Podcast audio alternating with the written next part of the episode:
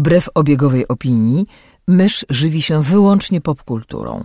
Jest zwierzęciem stadnym, które lubi dzielić się tym, co znajdzie ze światem. Jej naturalnym sposobem komunikacji jest przerywany śmiechem słowotok. Słuchacie podcastu Myszmasz.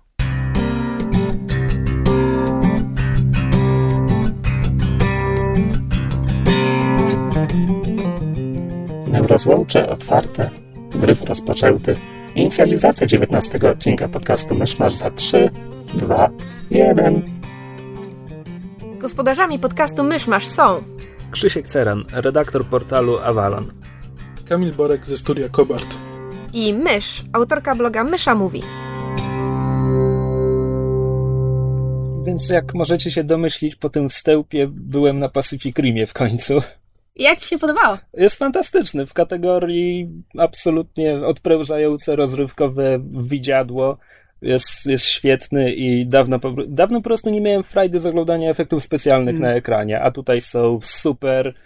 Te machiny mają masę, którą czuć przy każdym uderzeniu. Pomysły na choreografię walk chyba się skończyły w dwóch trzecich filmu, bo ostatnie starcie jest takie bardzo szybkie. Z drugiej strony dramatycznie potrzebowałem już iść do łazienki, także nawet się cieszyłem, że to szybko poszło. Dobrze, to y, ze spraw bieżących chyba po raz pierwszy mamy, y, znaczy przynajmniej ja mam newsa do ogłoszenia, bo się dowiedziałem, że Under the Dome zostało em, przedłużone na drugi sezon. Czyli z miniserialu robi się serial. To źle. To To bardzo źle. Ja nadal jestem chyba dopiero na drugim odcinku. Ja jestem na bieżąco i serial wciąż jest taki sam, to znaczy tania, tania dramaturgia, dramatyzm, przepraszam, tani dramatyzm, e, ale fajnie się to ogląda jednym okiem, kiedy w okienku przeglądarki mam co innego. E, Natomiast to nie jest formuła, którą, którą należy rozciągać. Tak, ja też, wiesz, to, to nie jest Lost, gdzie te zagadki się, e, że kolejne zagadki się pojawiają i trzeba je teraz rozwiązać, tylko no jest cały czas ta jedna, no i tak, i te postaci sobie tam chodzą i łażą i coraz bardziej dramatyzują i nie wiem, jak to będzie wyglądało w drugim sezonie, nie mam zielonkawego pojęcia, co oni mają zamiar z tym zrobić, ale no... Myślę, że będę go oglądał, dopóki mnie nie zmęczy. Z drugiej strony How I Met Your Mother zmęczyło mnie 4 lata temu i wciąż oglądam, więc... Właśnie, a propos męczących seriali, bo e, jest, takie, e, jest takie powiedzenie odnośnie piwa, że to szóste piję już tylko dlatego, że to pierwsze mi tak bardzo smakowało. I doszedłem do wniosku, że ja w ten sposób oglądam Trublada w tym momencie. Bo oglądałem ostatni odcinek i właściwie nie wiem, czemu lubię ten serial. Znaczy, jakoś ostat... jeszcze tam parę, parę było fajnych odcinków w tym sezonie, ale ostatni, siódmy bodajże, o ile dobrze pamiętam, zmęczył mnie po prostu. Już po prostu chciałem, żeby się skończył, bo już miałem dosyć oglądania go. A ja miałam wręcz przeciwnie, to znaczy wydawało mi się, że ten ostatni odcinek Trubloda w porównaniu z tymi paroma, które były wcześniej, był wyjątkowo taki stonowany pod względem e, głupoty, debilizmu, przesady i brokatu. Jakoś nie wiem, może po prostu przyzwyczaiłam się już do specyficznej konwencji i klimatu, która jest w tym sezonie, które jest pod tytułem Fuck All. E, I jakby przestało mi to przeszkadzać, ale podobał mi się ten ostatni odcinek. Jakoś nie miałam do niego większych zastrzeżeń. Poza tym, że Suki kompletnie traci dla mnie wiarygodność w momencie, w którym leci na tego, jak mu tam. E, Warlow. tak, właśnie. E, bo tak, bo, bo tak jest w scenariuszu. E, to mi się podoba. Mówię, ten sezon mi się podoba, bo zaczęli w końcu eliminować bohaterów i kto wie, no może nawet ktoś z pierwszoplanowych okaże się zagrożony. Zobaczymy. Natomiast jakby to nie jest, to nie jest arcydzieło i jakie, jakiekolwiek oryginalne cechy ten serial stracił gdzieś w okolicach drugiego sezonu chyba, także Mhm. jest, ogląda się fajnie i tyle. E, Ja z kolei skończyłam po długich przebojach e, związanych z remontem. Skończyłam oglądać pierwszy sezon Orange is the New Black. Nie wiem, Krzysiu, czy ty. Nie mów za dużo, jestem dopiero po czterech odcinkach. Dobrze, to w takim razie e, powiem, że serial e, utrzymuje świetną formę, którą jakby widać w pierwszych paru odcinkach. Em, bardzo e, ciekawie jakby rozwija e, relacje między bohaterami i jakby nadal świetnie opowiada, nadal świetnie przedstawia tło pewnych postaci, które, prawda, stopniowo poznajemy coraz lepiej. E, w, dalszych odcinkach jakby poznajemy, poznajemy losy, czy też przeszłość e, kolejnych, prawda, tych więźniarek, które, które tam się nam w tle przewijają i to bardzo wiele jakby dodaje do, do interakcji postaci.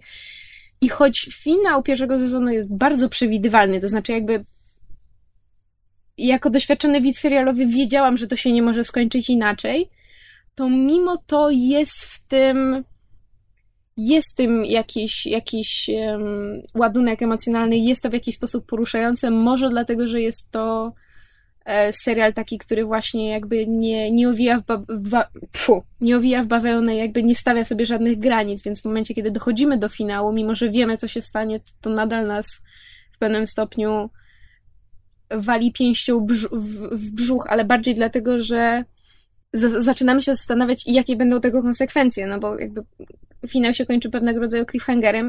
Wiemy już, że będzie drugi sezon i widz zostaje, prawda, z jednym wielkim WTF nad głową i się zastanawia, jak oni to mogą dalej pociągnąć. E, w każdym razie wiem, że to brzmi strasznie, e, e, że tak powiem, zagmatwanie, ale jeżeli słuchacze nie zostali zachęceni tym, o, o co żeśmy mówili o serialu w poprzednich odcinkach, to teraz y, ponownie bardzo gorąco namawiam do obejrzenia, bo, bo serial naprawdę jest, jest y, wart oglądania i, i ma tylko 13 odcinków, więc to dość szybko idzie. I zaczęłam oglądać Orphan Black. Jestem po dwóch albo trzech odcinkach i też jest zajebiste, ale jeszcze nic nie będę o nim mówić. No. To ja tyle. Ja ostatni tydzień byłem wyjątkowo zajęty, także tak naprawdę e, no, tak, to, to, to tyle, to tyle. To tyle przez ostatni tydzień. Kupiłem ostatni tom wielkiej kolekcji komiksów Marvela Hatchet, Tajna Wojna od Briana Bendisa i e, Gabriel Del Otto. To jest pan Gabriel. Pod względem rysunków to jest jeden z najlepszych tomów w tej kolekcji. Pod względem fabuły nie. Także jeśli ktoś bardziej ogląda komiksy niż czyta, to polecam. Jeśli bardziej czyta niż ogląda, to będą, będą lepsze historie. To ja w tym tygodniu obejrzałem sobie Face Off, bo nie wiem czemu, naszło mnie po prostu, a nie widziałem e, od wielu lat. Ale film. Film Face Off Johna no. Woo. Tak, bo słuchacze mogą nie wiedzieć, że jest program rozrywkowy Face Off o profesjonalnych charakteryzatorach filmowych. Swoją drogą polecam. Nie, to ja mówię o filmie Johna Woo Jezus Maria, ale to jest głupie. Czekaj, e, czekaj, czekaj, bo ja nie do końca pamiętam. To jest ten z białymi gołębiami w locie, prawda? tak, to jest ten film Johna Woo z gołębiami w locie i z ludźmi skaczącymi nad stołami i strzelającymi z dwóch pistoletów na Okej, okay, to, to już wiem, o którym mówisz. No. E, uściślając jest, jeszcze dalej, zupełnie niepotrzebnie, e, to jest jeszcze z, Nik z Nicolasem Cage'em i Johnem Travoltą gdzie oni się zasadniczo zamieniają twarzami. I rolami. I rolami, I tak. bawią się w zakręcony piątek. tak. Tylko z dużą ilością pistoletów. Czekaj, przypomnij mi, czy to tam postać Nicolasa Cage'a nazywa się Castor czy Pollux? Castor Troy. Castor Troy, tak, bo to... A y, Pollux to jego brat. Jego brat, który ginie bardzo szybko, tak? Że bardzo szybko. Ja to oglądałem... Nie, nie on tam jest przez większość filmu. Kiedy ten film powstał? Lata Wczesne lata 90. To ja go wtedy oglądałem. No Także właśnie. tak, tak pamiętam fabułę. Znaczy, ja go nie wtedy oglądałem, no bo oglądałem go jak już leciał w telewizji. A, czyli też kiedy oglądałem jeszcze telewizję, czyli jakieś też 10 lat temu.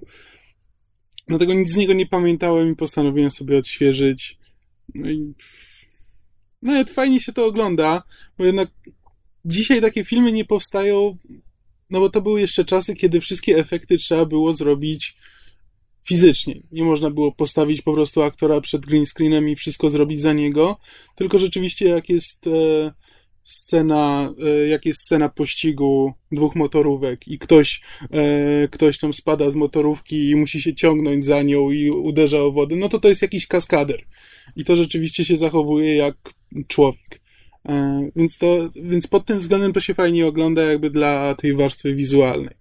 Jakby John Woo, można mu dużo zarzucić jego filmom i to bardzo słusznie mu można dużo zarzucić, ale, ale są ładne i ogląda się w miarę przyjemnie.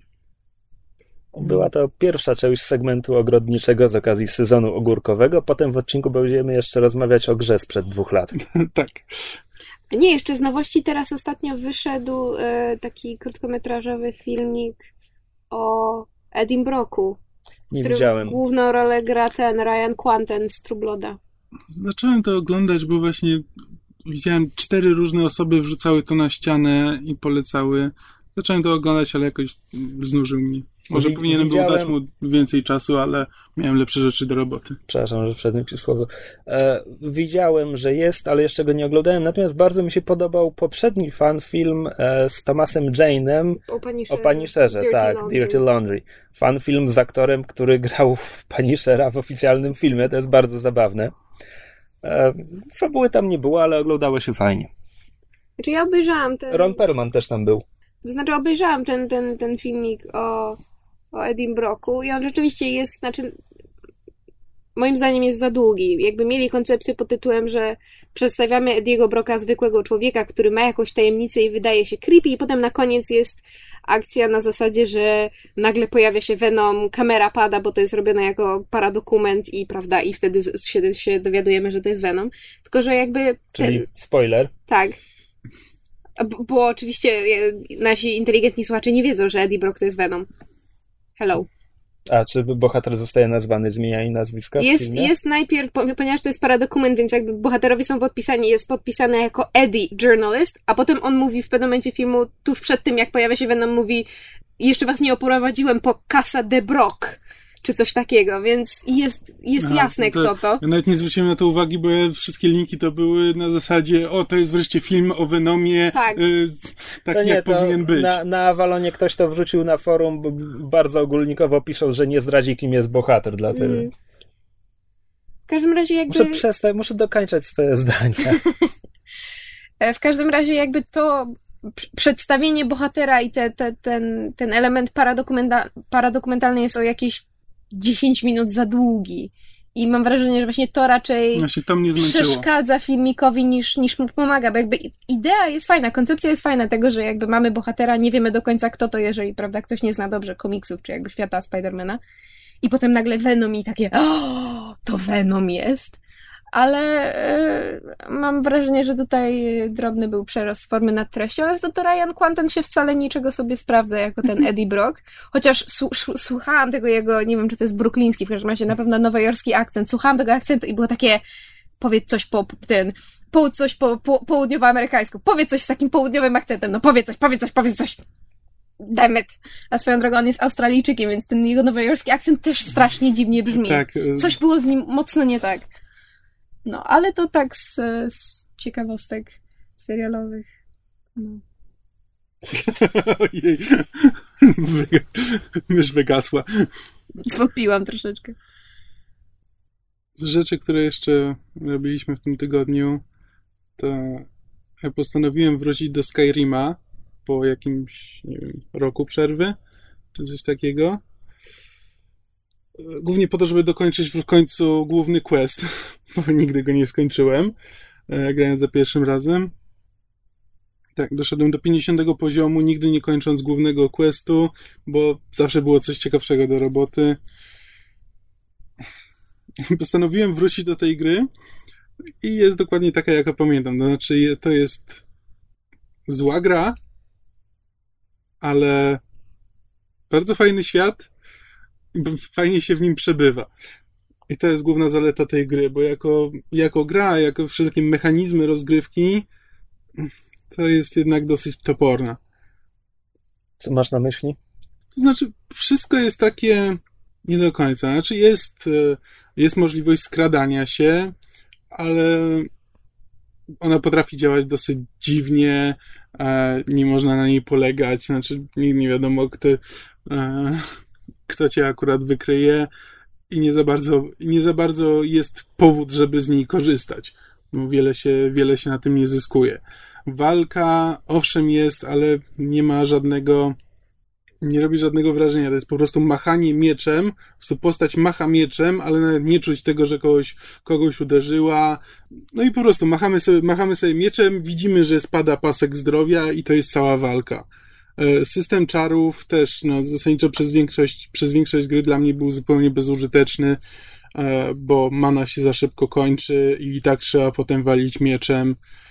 I tak ciągle po prostu na każdym kroku miałem takie coś, że coś mi tutaj nie gra, ale mimo wszystko ta gra mnie przyciągnęła do siebie no, na ładnych kilkadziesiąt godzin prawdopodobnie.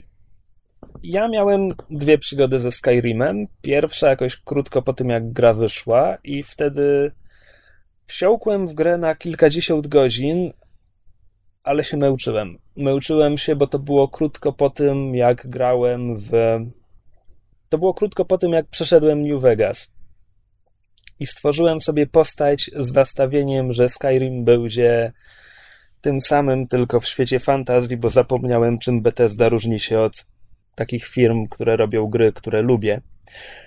E, więc stworzyłem sobie postać nastawioną na rozmowy, bo jest tam umiejętność, która ma wpływ na rozmowy. Tylko, że w tej grze nie ma rozmów, bo w tej grze bohaterowie niezależni po prostu są po to, żeby udzielać informacji, ale nie ma, nie ma dialogów, można tylko zadawać pytania i mówić tak, nie. E, więc to było pewne rozczarowanie. Potem rozczarowałem się questami, bo wszystkie sprowadzają się do tego, żeby pójść gdzieś i przynieść coś i, i to wcale nie jest prawda, że wszystkie questy w RPGach na tym polegają. A przynajmniej nie w tak uproszczonym schemacie, jak to ma miejsce w Skyrimie. Ale wtedy dowiedziałem się, że gdzieś daleko na północy tej mitycznej krainy znajduje się Akademia Bardów no to pomyślałem sobie, to jest to. Więc pobiegłem do Akademii Bardów, unikając jakichś mamutów, troli i czego tam jeszcze. I zapisałem się do Akademii Bardów. Pierwsze zlecenie, które tam dostałem, brzmiało: A weź idź do tej jaskini i przynieś mi stamtąd kamienną tabliczkę. I wykonałem tych questów jeszcze parę dla bardów, i tam był jeden jeden, w którym trzeba było pomóc komuś e, napisać e, pieśń i mogły, można było podpowiadać, jaki powinien być następny wers, o czym traktować. To był po prostu najbardziej zróżnicowany i głęboki fabularnie quest, na jaki trafiłem w tej grze. A potem jeszcze wróciłem do miasteczka, w którym, blisko którego zaczynamy grę i w wyniku innego questu zostałem wilkołakiem i moja pierwsza przygoda ze Skyrimem skończyła się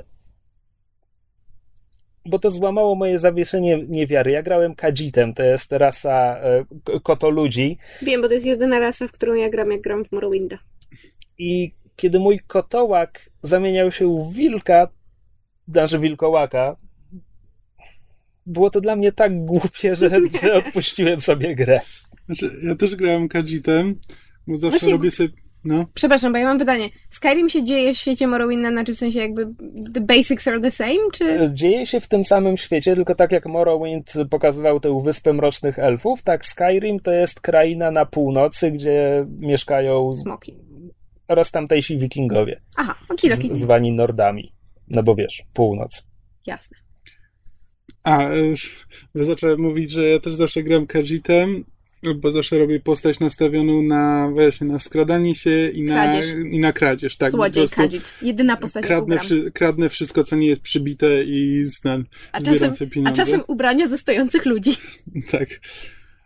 Tak, w ten sposób, co, jak już teraz właśnie wróciłem do, wróciłem do gry, miałem już ten ponad 50 poziom i specjalną umiejętność, że mogę kraść e, z, zbroję, znaczy mogę kraść przedmioty, które dana postać ma wyekwipowane, e, więc praktycznie całe miasto teraz łaziło mnie w majtkach.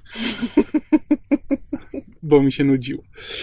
Ale tak, e, jakby to porównanie z New Vegas, no to jak najbardziej się zgadzam. Znaczy New Vegas jest, no, no jest dokładnie tą samą grą, tak? Co to jest New Vegas? To jest e, pełna nazwa Fallout New Vegas, Czyli to jest kontynuacja Fallouta z dokładnie tą samą mechaniką, co właśnie Skyrim, wcześniej Oblivion i wcześniej Morrowind. E, Tylko, że w przeciwieństwie do Fallouta 3, który był robiony przez Bethesda i był dokładnie tą samą grą co Skyrim, tylko że w klimacie postapokaliptycznym, mm. New Vegas jest robione przez Obsidian, w którym to Obsidianie pracują ludzie, którzy pracowali przy pierwszym i drugim Falloutie. Mm. Więc jest te, ten sam mechanizm rozgrywki, ale świat jest stworzony tak jak w tamtych grach. Tam są, wiesz, NP bohaterowie niezależni, którzy naprawdę mają jakiś charakter. Można prowadzić dość długie, rozbudowane dialogi.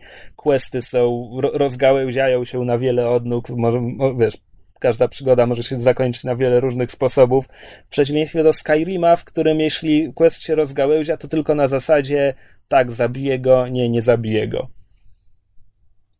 A jaka jest Ale... różnica między Morrowindem i Oblivionem, bo ja nigdy nie wiedziałam. Morrowind to trzecia część cyklu, a Oblivion czwarta, przy czym tak naprawdę to nieprawda, bo są jeszcze dwie części cyklu, które nie miały własnych numerków z jakiegoś powodu.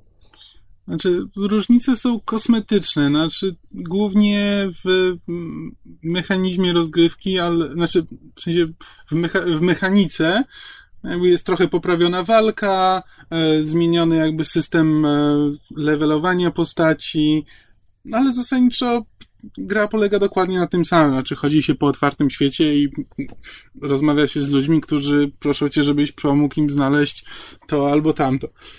Aha.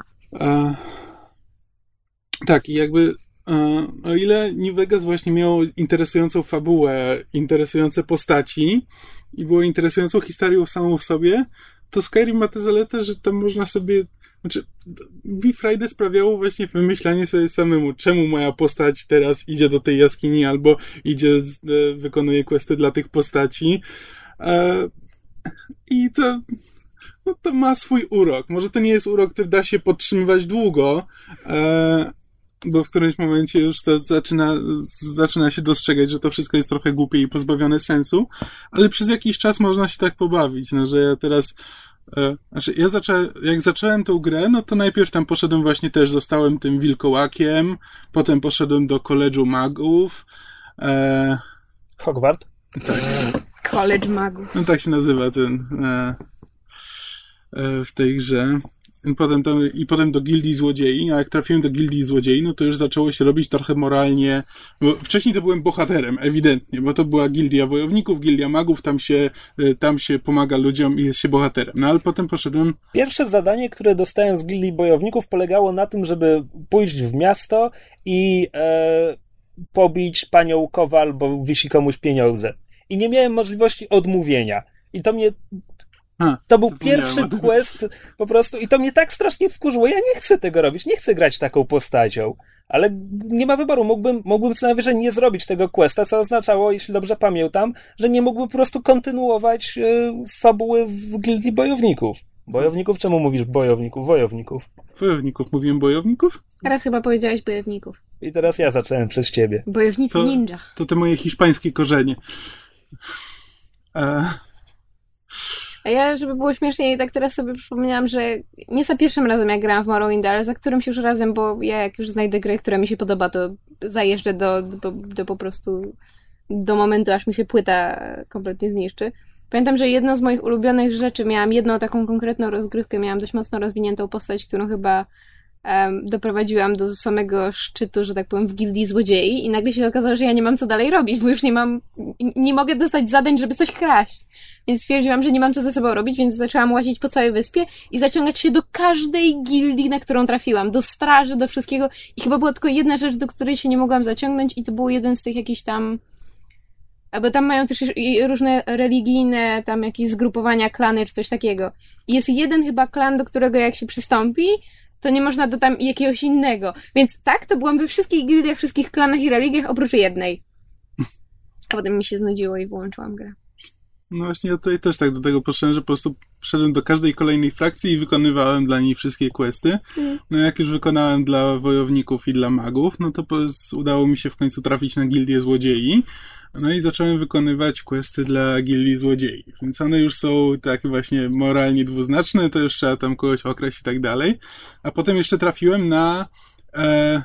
He's so pure określić kogoś mimo, że, moralnie dwuznaczne. Mimo, mimo, że wcześniej jakby kradłem, tak jak mówiłem, mimo, że wcześniej kradłem wszystko, co nie było przybite do ziemi, więc... Ale teraz e, ktoś mu to zleca i dlatego to jest moralnie tak, dwuznaczne. Ale właśnie, bo potem jeszcze trafiłem na e, questy dla Mrocznego Bractwa, czyli jakby dla z y, Bractwa Asasynów. I po prostu zacząłem sobie tworzyć całą historię postaci e, właśnie bohatera, który upada i który powoli po prostu z nudów i dlatego, że nie ma już, że stał się na tyle potężny, że nic nie stanowi dla niego wyzwania, to po prostu zaczyna, zaczyna się właśnie bawić, że najpierw, e, najpierw staje się złodziejem, a potem, potem mordercą. E, Czyli basically twój bohater stał się tobą. tak, nie zdradzaj takich rzeczy na antenie. Padem. Nie, po prostu sobie te, jakby te motywacje postaci, których nie ma w grze, dopowiadam sobie samemu. Moja druga przygoda ze Skyrimem była bardzo podobna. Zainspirowało ją zainspirowała ją lektura takiego game diary, to jest taki rodzaj pisania o grach, że ktoś sobie wymyśla jakieś założenia dodatkowe, których nie ma w grze, że będzie grał w jakiś określony sposób i opisywał, jak mu to idzie. No i trafiłem na taki game diary, a ktoś wrócił do Skyrima i zainstalował kilkadziesiąt czy sto kilkadziesiąt losowych modów nie wiedząc, co instaluje, tylko potem czytał opisy o tyle, o ile, żeby, żeby gra w ogóle ruszyła po tych wszystkich modyfikacjach. E, gry Bethesdy są dość łatwe w modyfikowaniu i są właśnie z tego najbardziej znane, że fani potem przez lata tworzą własne modyfikacje do gry. No i opisywał, opisywał przygodę, jak to właśnie jak tam wyrusza, y, trafia w pierwszym mieście na ogromny wodospad, który z bram pałacu do, do, do bram miasta prowadzi. E, potem gdzieś tam, nie czekaj, smoki latające tyłem to był, to był błąd w grze, a nie mod. E, potem, że, że zamiast księżyca jest, jest czyjaś twarz, bo ktoś, bo ktoś coś takiego zrobił. No i właśnie, że, i że za każdym kolejnym załomem atakowały go jakieś takie różne rzeczy. E, plus oczywiście mnóstwo jakichś pornograficznych, no bo procentowo jest to pewnie duża część modów. E, no więc ja nie poszedłem aż tak daleko w to wszystko, ale sobie wymyśliłem, że właśnie to tak jak ty, jakby, że potraktuję Skyrima tak jak, tak jakbym tworzył własną postać do, do papierowego RPG, że sobie wymyślę, kto to ma mhm. być i będę się starał trzymać takich założeń, no i wymyśliłem sobie, że to będzie ten wojowniczka, która rzuca się z mieczem na wszystko i nie korzysta z żadnej magii poza tam leczeniem, bo bez tego byłoby prawie no pewnie da się to przejść. To nie jest trudna gra. To jest właśnie mój kolejny problem ze Skyrimem, konkretnie mechaniczny, że tam przeciwnicy są skalowani do twojego mm -hmm. poziomu. Przez to w ogóle nie ma poczucia, że się rozwijasz. Tak, czary, które dostajesz na kolejnych poziomach, yy, są coraz bardziej widowiskowe, ale co z tego, jeśli na przykład strumieniem ognia musisz tego samego pająka, co z początku gry, trzepać tyle, tyle samo czasu, no bo oni, bo teraz przeciwnicy, na których trafiasz, są doskalowani do ciebie. Mhm. To jest tak strasznie głupie. Po prostu jak gram 40 godzin i mam poczucie, jakbym dreptał w miejscu. Jezus Maria, głos mi się załamuje. Aż, aż tak mnie to... Cofasz się w czasie, co? To jest strasznie głupia decyzja, po prostu głupia. Tak, to jest fajne, że ten świat jest taki otwarty, że od początku gry możesz Wiesz, jak tylko zakończysz tutorial, możesz zignorować główny, główny wątek fabularny i pójść sobie gdziekolwiek, zostać, wiesz, pielgrzymować po wszystkich klasztorach, czy cokolwiek, co ci tylko przyjdzie do głowy.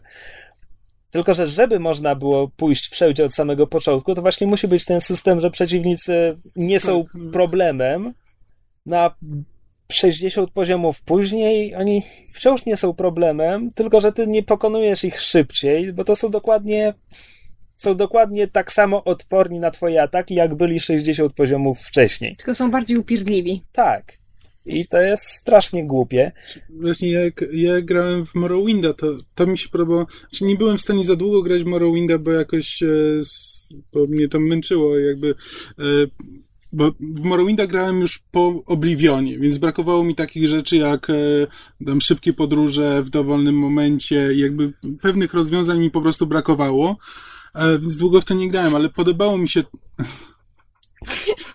Jakbyście zobaczyli, jak ja któregoś razu grałam cały jeden dzień w Morrowinda, to wyglądało tylko i wyłącznie tak, że po prostu idzie Kaji drogą i tylko tak podskakuje, żeby iść jak najszybciej, żeby przejść z jednego punktu do drugiego, bo akurat między nimi nie było żadnego przewozu. No i umiejętność skakania sobie podwyższasz w ten sposób. Tak, tak, ale to, to było najlepsze, wiesz, po prostu skaczę przez następne 5-7 minut, po czym tylko widzę, jak mi kolejne dodatkowe punkty do skakania dochodzą. I tak przez 10 minut, żeby dojść do jednego miejsca.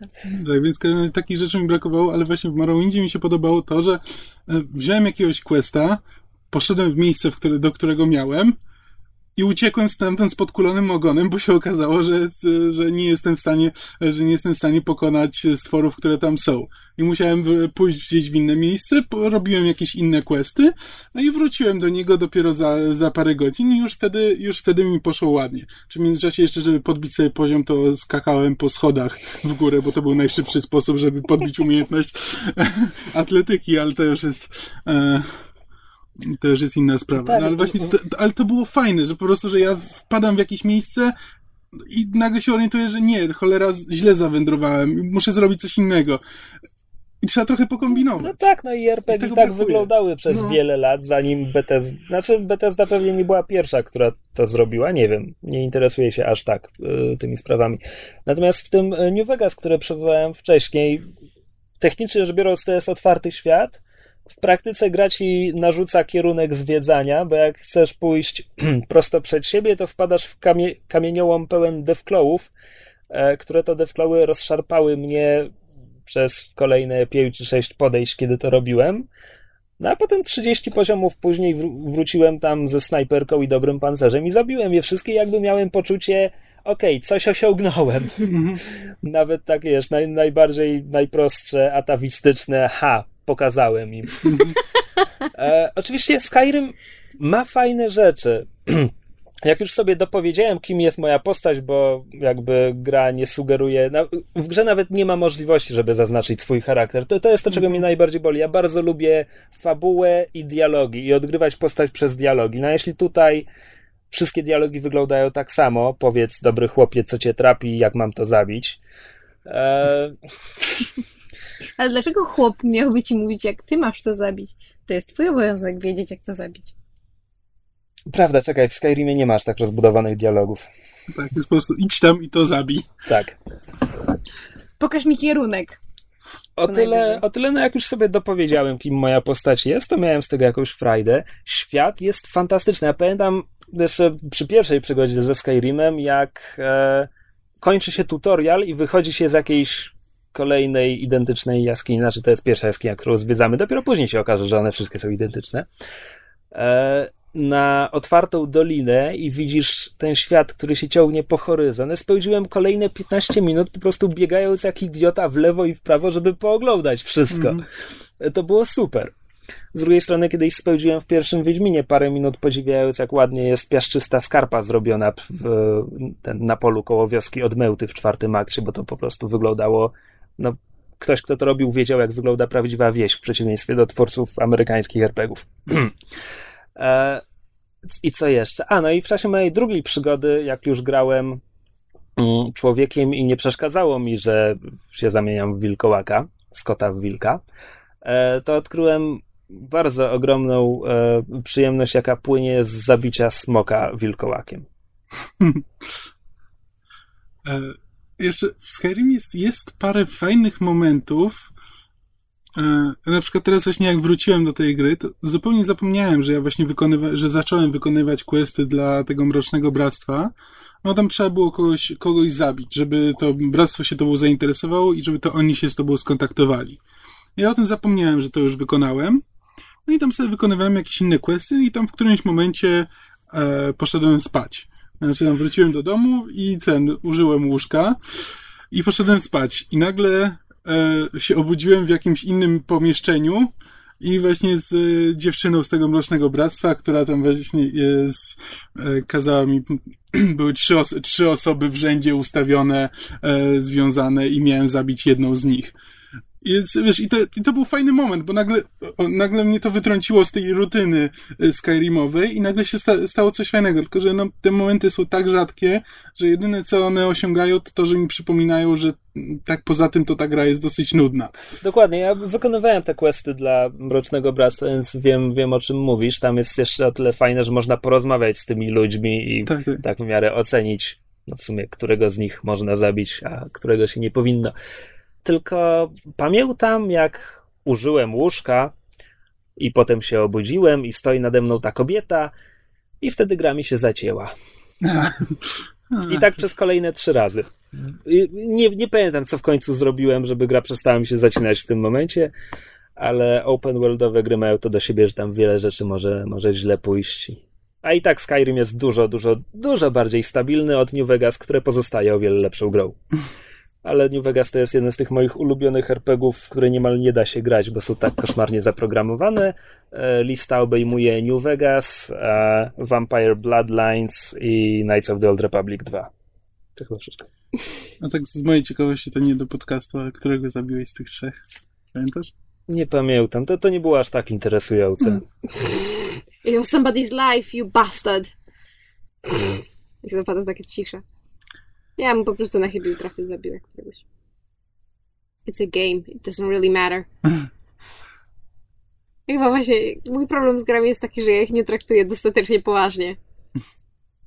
Wiesz co, to zawsze, dla mnie to zawsze zależy od gry. Mm. Jeśli gra traktuje siebie poważnie i to dobrze wychodzi, a nie tak, że wychodzi z tego parodia, no to czemu nie? Ja się potrafię przejąć w grze.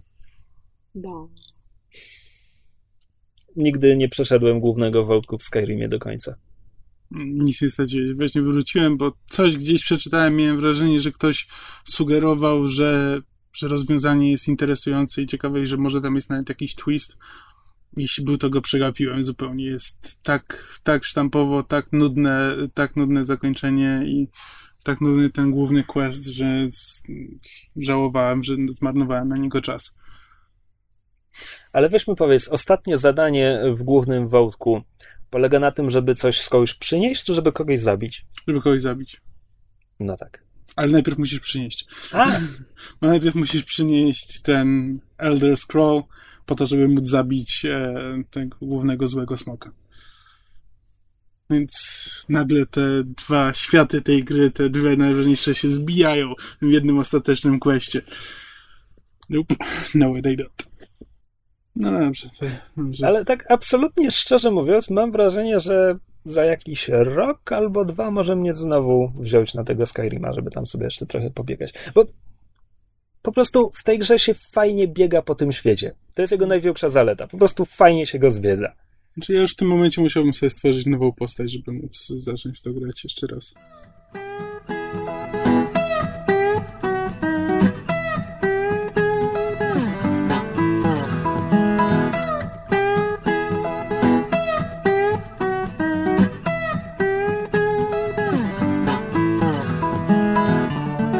Dobra, to przechodzimy do kącika mailowego. W tym tygodniu mamy maila od słuchacza, a przy okazji naszego osobistego przyjaciela, prawdopodobnie powinniśmy to powiedzieć, żeby nie było, że nie jesteśmy obiektywni. Nie będziemy obiektywni. Nie wiem, co mówię. E... Maybe you should stop. Może. Mail przeczyta nasza piękna asystentka. Cię walne! Może ponieważ to jest od ten... E od znajomego to możemy pominąć e, komplementy na początku. Bardzo miło słucha mi się waszego podcastu. Niestety spoilery omijam ogromnymi łukami, więc połowa materiału do mnie nie trafia, a komiksy, no komiksy to akurat nie moja działka. W ostatnim odcinku mówiliście o waszych ulubionych systemach RPG. Lwia część redakcji postawiła na Volsunga, a mysza... a mysza część na wampira. Mysia część powinna być. Nie, że poprawiam pisownię maila, którego dostaliśmy. Skądże? Nigdy. Nigdy. A mysza część na wampira. Pozwólcie, że i ja dorzucę swoje dwa grosze. Rozumiem, skąd może brać się wasza sympatia do Volsunga, gdyż jest on jednym z niewielu, jak nie jedynym rozpowszechnionym w Polsce systemem ze steampunkową otoczką. Moje odczucia wobec niego zbliżone są do waszych związanych z Neuroshimą. Uwaga, nadchodzi ostra krytyka. Volsung wydaje mi się rozmydlony tak jak wyżej wymieniona Neuroshima, nie posiada tak naprawdę żadnego motywu przewodniego i co więcej, patrzy obojętnie na rasizm, czego moja postać była wielokrotnie ofiarą. Bzdura, bzdura, bzdura. To byli źli bohaterowie niezależni. Ja widzę, że tutaj Krzysiek ma coś do powiedzenia. Czyżbyś był mistrzem gry w tej rozgrywce? Oj, bo no, autor maila sobie stworzył postać orka, nie doczytawszy, że orkowie są traktowani jako ten obcy w tej europejskiej części świata, no i potem się dziwił. System do samego Volsunga jest prosty, łatwy w obsłudze, ale nie jest w żadnej mierze imponujący i nie pozostawia wiele miejsca dla kropkarzy, tak zwanych ludzi, którzy lubią sobie pogrzebać w systemie i stworzyć postać oryginalną i wyjątkową.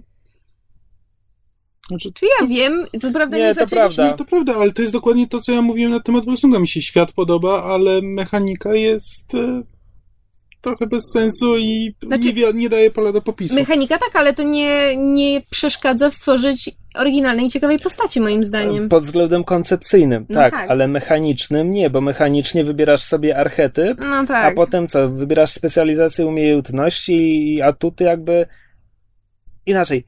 Technicznie rzecz biorąc, tam można stworzyć unikalną postać na podstawie doboru atutów, tylko że w praktyce te atuty to mają zastosowanie w tak jednym określonych sytuacjach, tak, tak. że to jakby nie ma, nie ma aż takiego znaczenia, więc tutaj się z nim zgodzę. Nie zgodzę się natomiast mogę zobaczyć, bo chcę zobaczyć e, jak już zobaczę, to będę wiedział, co chcę zobaczyć. A, tak, że, że Wolfsung wydaje się rozmydlony i nie posiada motywu przewodniego. Motywem przewodnim jest właśnie ta pulpowość. Tu chodzi o to, żeby to były spektakularne spektakularne scenerie, spektakularne akcje i żeby do tego zachęcać graczy. E, I tak, to nie jest motyw przewodni, jak nie wiem, w wampirze te biedne, blade istotki cierpią nad swoją duszą, którą straciły. O tym zaraz E, będzie. No właśnie, tak. E, I faktycznie tutaj mistrz gry musi włożyć dużo pracy, żeby z Volsunga zrobić coś głębszego. Ale jeśli chce prowadzić coś głębszego, to chyba nie wybiera Volsunga do tego. Mhm. Jasne. E, Cechy i umiejętności pokrywają się u większości postaci, a archetypy raczej ograniczały postać do pewnego określonego schematu działań. Widzę Volsunga jako fajny system przygodowy coś ala czterej muszkieterowie, bo w tym faktycznie może się sprawdzić, ale cała jego uniwersalność osłabia ostateczny efekt. System powinien być konkretny, eksponować jakiś główny motyw przewodni, wtedy graczom łatwiej utożsami... Wtedy graczom łatwiej utożsamić się ze swoimi postaciami. To, co mówiła mysz o swoim mistrzu gry, że był w stanie wytresować w niej pewną postawę wobec gry. To w wampirze jest dużo łatwiejsze, bo ten motyw jest wyraźny i wszechobecny. Moją wielką miłością jest legenda pięciu kręgów. Tam droga Bushido jest niepodważalna, stanowi status quo rokugańskiego społeczeństwa. Dlatego wszystkie kwestie, które są z nią sprzeczne, przykład Ronini, Maho czy Gaijini, są takie intrygujące i unikatowe. Dylematy honor versus sprawiedliwość, daimyo versus rodzina, chwała versus przetrwanie są tak wyraziste i zapadają w pamięć. No i oczywiście sam system, który osobiście uważam za najciekawszy i pozwalający na ogromną różnorodność. Oczywiście to wszystko kwestia gustu, więc whatever. Fajnie, że o tym rozmawiacie i fajnie, że próbujecie na te tematy dyskutować.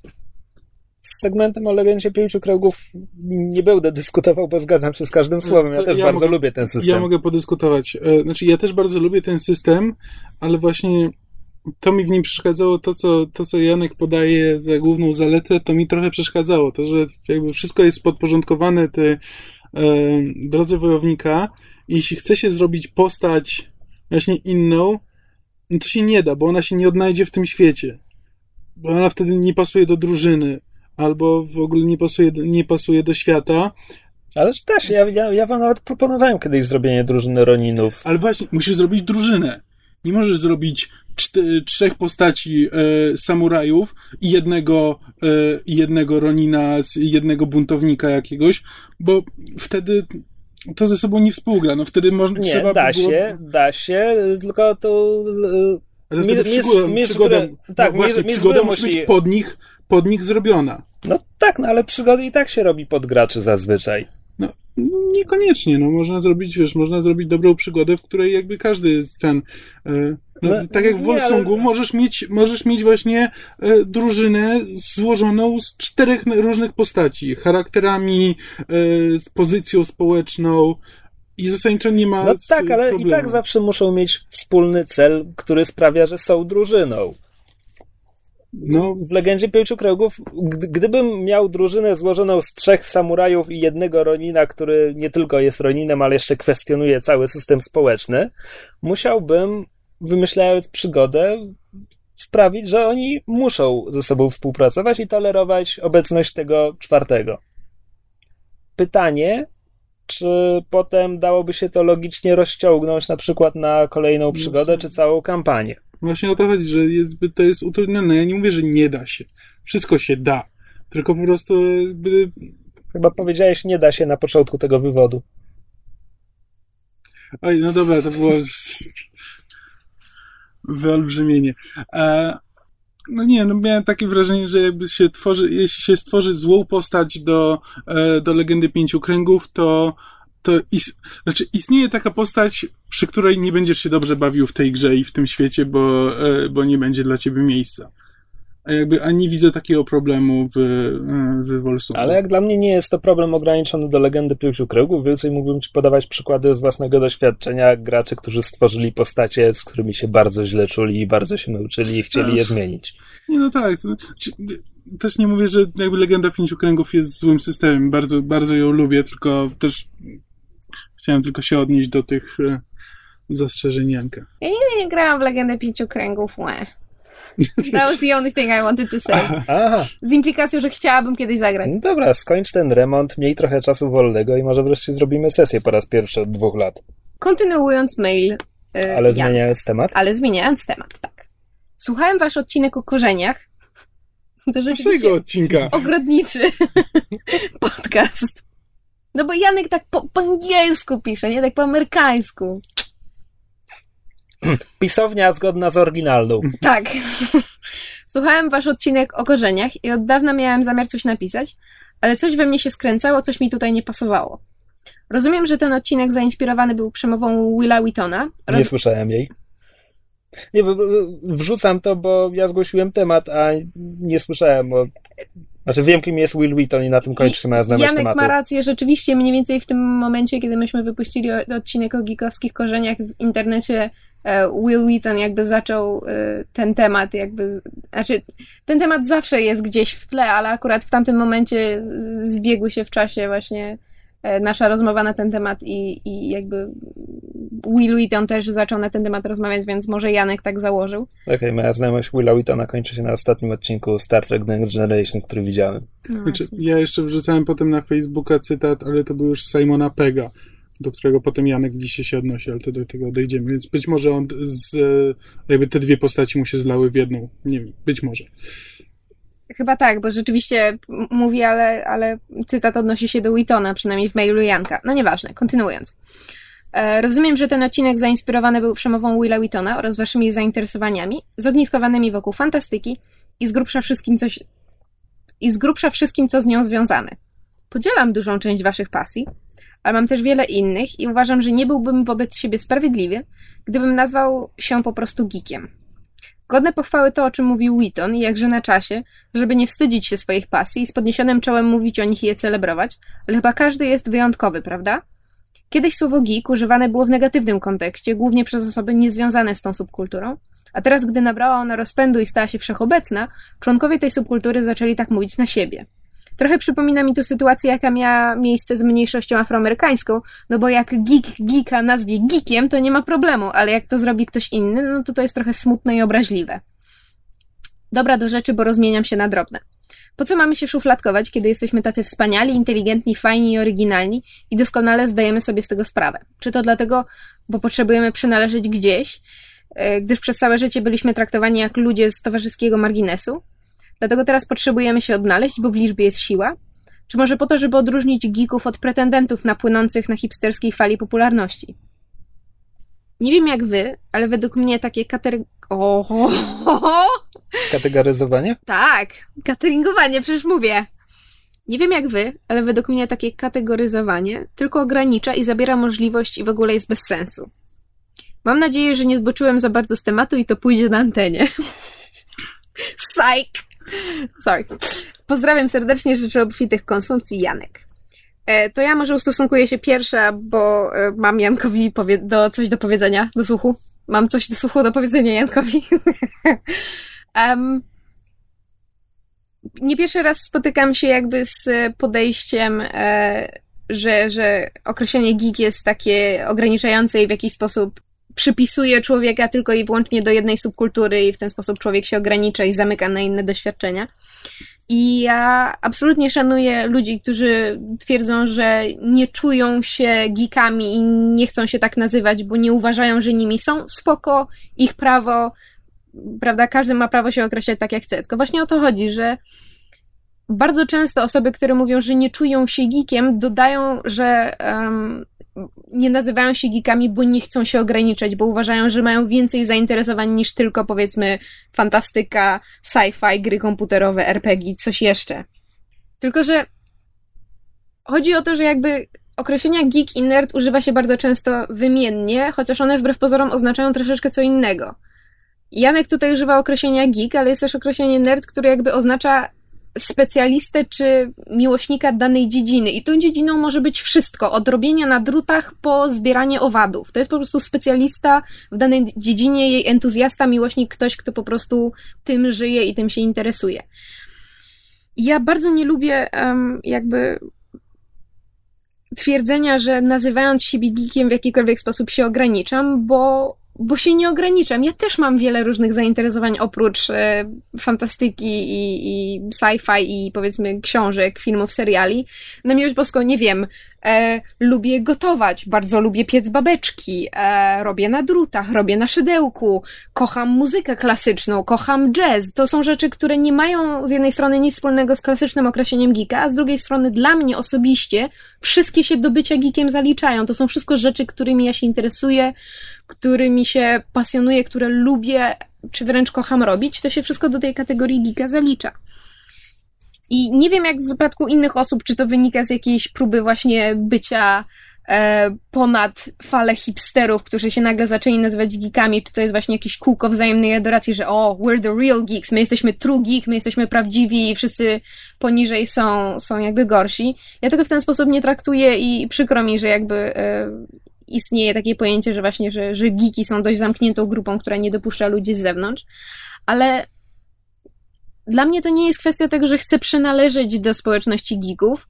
Bardzo lubię to, że będąc geekiem przynależę do pewnej grupy ludzi, którzy mają podobne zainteresowania i poglądy, ale jakby to nie o to chodzi. Dla mnie określanie siebie geekiem jest tak samo jak, nie wiem, dla, dla kogoś określanie siebie Polakiem. Są ludzie, którzy mieszkają w Polsce i nie mają w stosunku do, do tego żadnych odczuć, a są ludzie, którzy mieszkając w Polsce są bardzo dumni z tego, że są Polakami i w pewien sposób się tak identyfikują. Na pytanie, kim jesteś, pierwszą rzecz, którą powiedzą jest Polakiem. Ja na pytanie, kim jesteś, pierwszą rzecz, którą odpowiem jest myszą, a drugą geekiem. I jakby mówię, każdy ma prawo określać siebie tak jak chce, tylko nie odbierajcie mi tego mojego prawa, żebym się nazywała geekiem i nie umniejszajcie tego. Jakby to jest to, to jest to, co mnie boli. I to jest to, jak odebrałam w pewnym stopniu um, mail Janka, bez żadnych osobistych oczywiście pretensji do Janka, bo my się z Jankiem bardzo lubimy, ale jakby, ponieważ nie jest pierwszy, to nie jest pierwszy raz, kiedy się zetknęłam z tego typu podejściem na zasadzie, że e, nazywając siebie geekiem w jakiś sposób się ograniczam, boli mnie to. Bo ja tego w ten sposób nie traktuję. E, dla mnie określenie geek jest bardzo szerokie, bardzo ma bardzo ciepłe, bardzo miłe konotacje. Dla mnie to jest właśnie ta wspólnota, ale nie taka, która się ogranicza i która e, wyrzuca na margines ludzi, którzy do nas nie pasują, tylko właśnie akceptuje wszystkich. Jeżeli ktoś nie lubi nic z tego, co jest powszechnie przyjęte do bycia geekiem, ale na przykład lubi owady, to my jesteśmy go w stanie zaakceptować. Na zasadzie lubisz owady? Super, polub je z nami, pokaż nam, dlaczego one są takie super. My też się chcemy nimi zachwycić. Ale to nie jest w żaden sposób subkultura, która, która wyklucza, no. Nie trzeba spełniać żadnych konkretnych kryteriów, moim zdaniem, żeby być geekiem, wbrew temu, co jest powszechnie uważane. Tak jak, żeby, nie wiem, na przykład być metalem, trzeba nosić glany i słuchać konkretnej muzyki. Żeby być geekiem, tak naprawdę nie trzeba lubić żadnej konkretnej rzeczy, oprócz tego, że trzeba ją lubić naprawdę mocno. Trzeba ją autentycznie kochać. I ja teraz przestanę, bo zaczęłam hiperwentylować. I chrumkać. I chrumkać. Ale, ale to już możemy ci nie przerwać, bo już tak, skończyłaś, już tak? skończyłam, przepraszam. Ja mam... I just had a lot of feelings about the subject. Rozumiem. Ja mam dwie uwagi do tego maila, czy do tej części maila. Po pierwsze, a, że kiedyś słowo geek używane było w negatywnym kontekście. Chyba nie w tym kraju, w którym żyjemy. No nie, no Janek, ale Janek wyraźnie, tak jak my, siedzi troszeczkę bardziej jakby w kulturze Stanów i, i chyba o, o to mu chodziło. Zresztą ma rację, bo wcale do nie tak dawna określenie geek i określenie nerd było tak jak po polsku, nie wiem, kujon, czy dziwak, czy cokolwiek e, w tym, w tym guście. Zresztą słowo geek się wzięło przecież z określenia na dziwolągi cyrkowe. To było circus freak, znaczy to było inaczej geek. Czyli właśnie określenie geek oznacza dziwoląga. A drugą kwestią jest to, że ja jakoś przeszedłem przez podstawówkę, gimnazjum i liceum, nie wpadając w żadną subkulturę i nie jestem pewien, czy bikostwo, czy jakkolwiek by to nie nazwać, kwalifikuje się jako subkultura. Znaczy, nie wiem, czy według powiedzmy socjologicznych kryteriów się kwalifikuje, ale przyjęła się ją tak poniekąd nazywać, bo nagle się zrobiła o wiele głośniejsza i jakby nie chcę powiedzieć, że się skonsolidowała, ale jakby mam wrażenie, że we współczesnych czasach, zwłaszcza w dobie internetu, to jakby przyjęło się określać geeków jako pewną konkretną właśnie grupę, która ma jeden głos, co nie jest y, jakby zgodne z prawdą.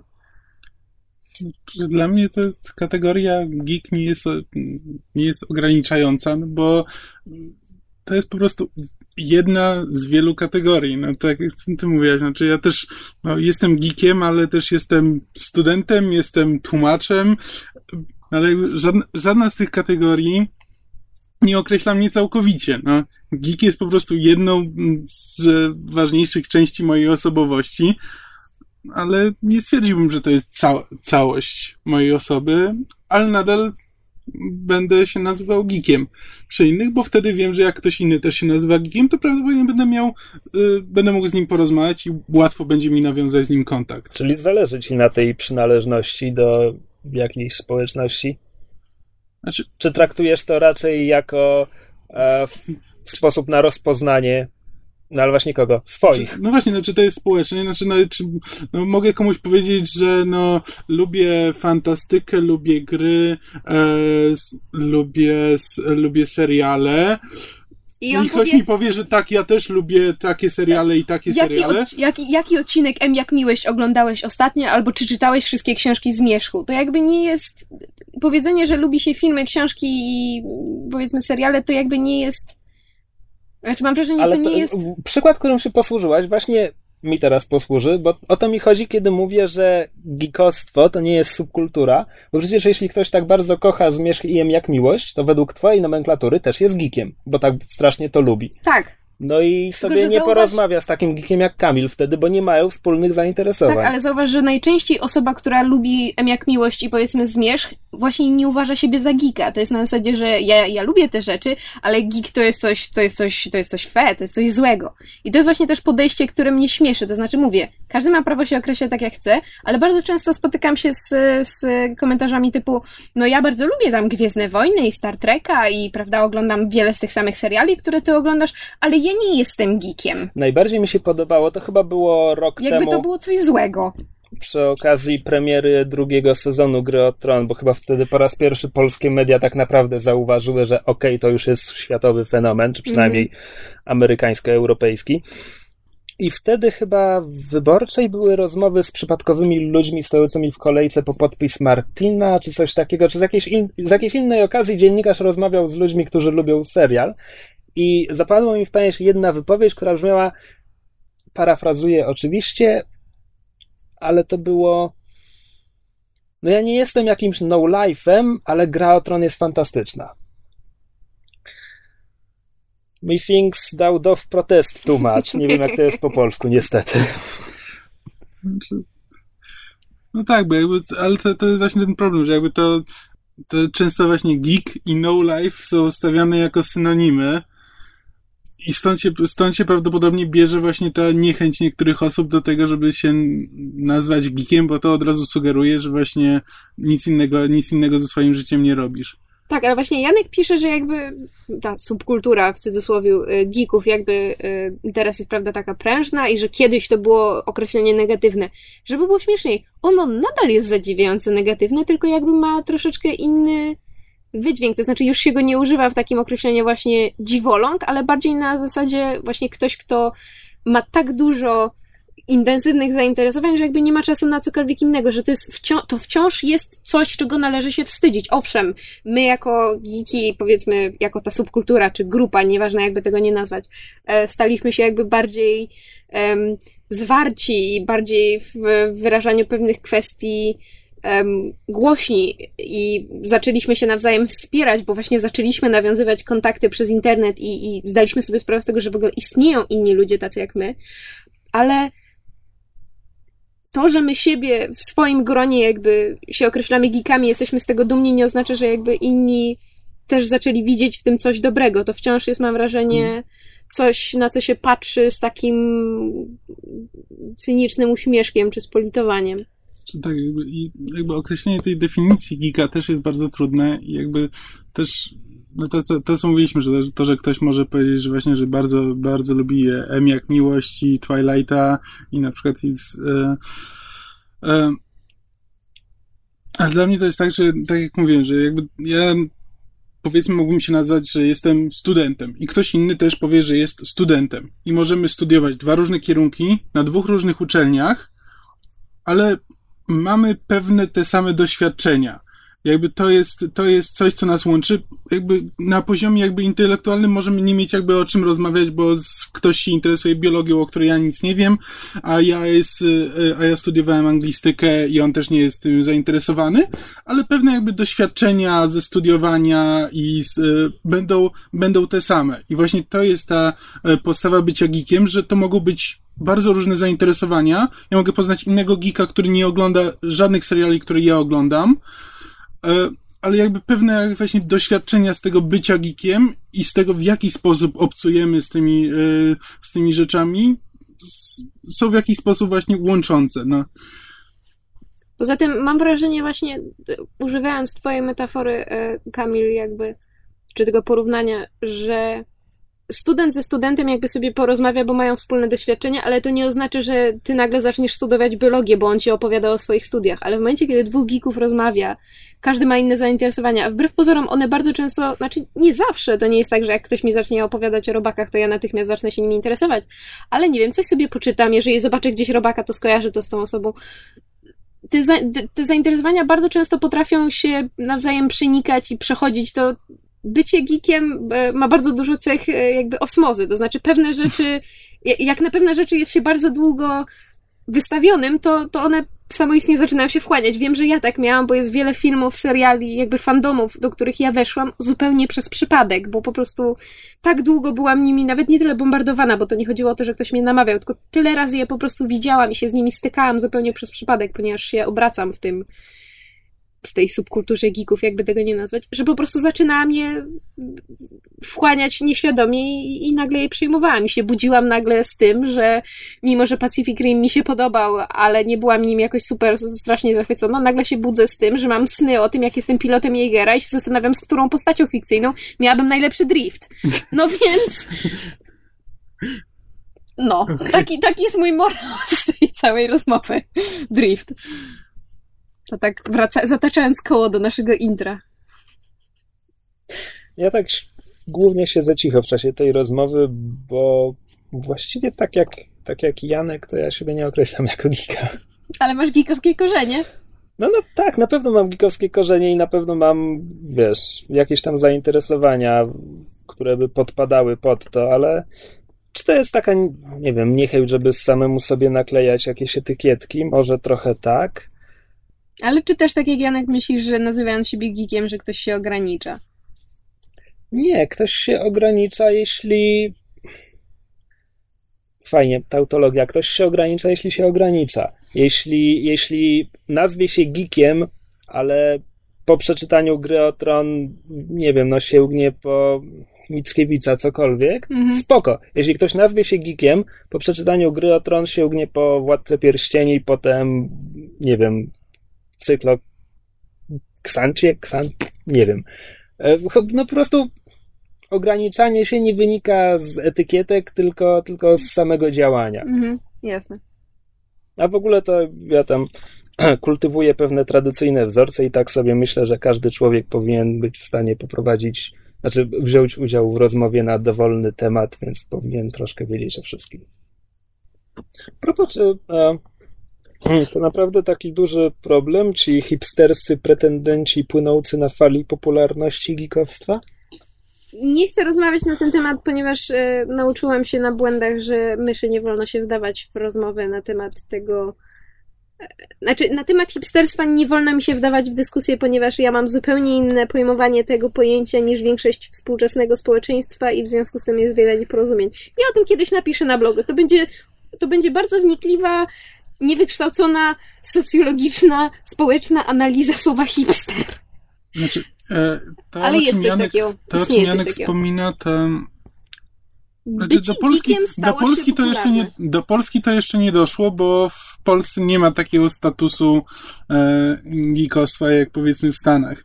E, ale tam jest właśnie bardzo często ten problem e, takich udawanych, e, szczególnie właśnie geek girls. Ojej, nie, właśnie- nie, nie, E, nie wchodź w to, nie wchodź w to, nie właśnie- wchodź w to. Właśnie o to mi chodzi, że to jest właśnie głupie, że jakby, że z, e, Znaczy, wydumany problem. To, tak, to jest właśnie, to jest wydumany, to jest wydumany problem, że e, s, jakby są, są dziewczyny, które na przykład interesowały się mangą i chodzą właśnie, chodzą na konwenty cosplayować i tak dalej i jakby nigdy w życiu nie czytały, e, albo nie, widziały gry o Tron, albo nie interesowały się fantastyką i tak dalej i dla niektórych ludzi to nie są, pra, to nie są e, to nie są prawdziwe geeki, nie, nie, nie wiem jak to odmieniać. E, w każdym razie, że to nie jest Giczki, bo to panie. tak, to nie jest prawdziwy, to nie jest prawdziwy geek. E, I właśnie, i to jest takie, i to jest właśnie naklejanie takich ograniczających mm, Tak. kategorii, zasadzie- że właśnie, że geek musi się interesować tym, albo tym, albo tym i bez tego się nie da. Znaczy, owszem, w Stanach zaczęto obserwować jakby pe- pewien ruch na zasadzie geek is cool. Rzeczywiście bycie geekiem stało się niby sexy, czy tam na przykładzie, nie wiem, e, serialu The Big Bang Theory i tego typu rzeczy, ale Kamil ma rację, istnieje coś takiego jak e, jakby te, Jest snobizm geekowski. tak, ten tak zwany true geek versus udawany geek na zasadzie, że o, przyszedłeś na konwent przebrany jakoś tam, jak, jako tam, nie wiem, e, Iron Man, ale czy wiesz, że w którym komiksie Iron Man zrobił to i to, bo jak nie, to nie jesteś true geek.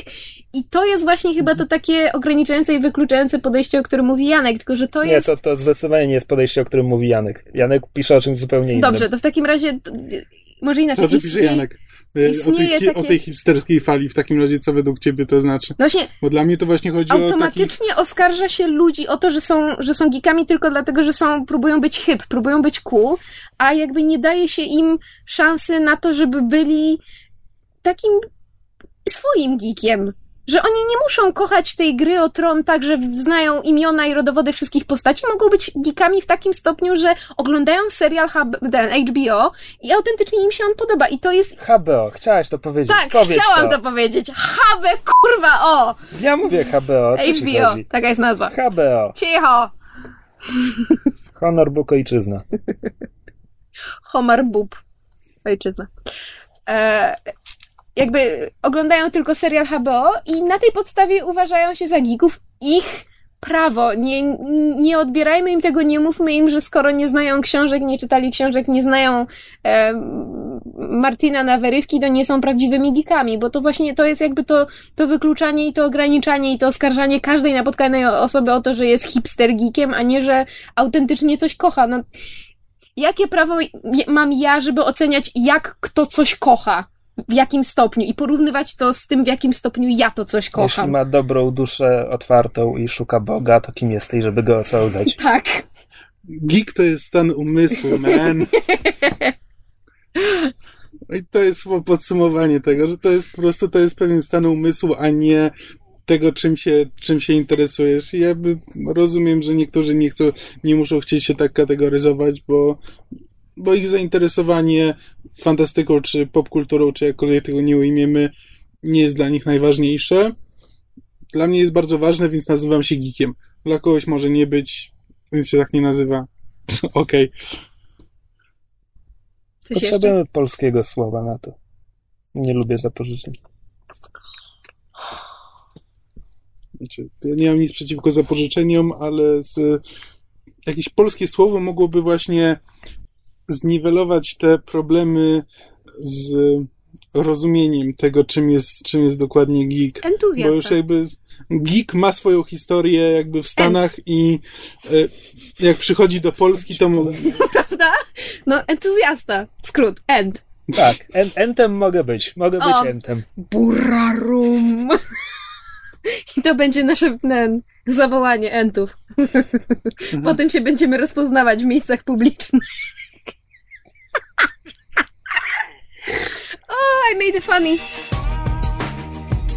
Słuchaliście podcastu Myszmasz. Możecie nas znaleźć na myszamovie.blogspot.com Oraz marvelcomics.pl podcast nagrany został w studiu Kobart. www.kobart.pl Jeśli macie jakieś komentarze, pytania albo sugestie, jesteśmy także na Facebooku. Podcast Myszmasz dostępny jest także na iTunes. Jeśli wystawicie nam ocenę, będziemy szczęśliwi jak End w tartaku.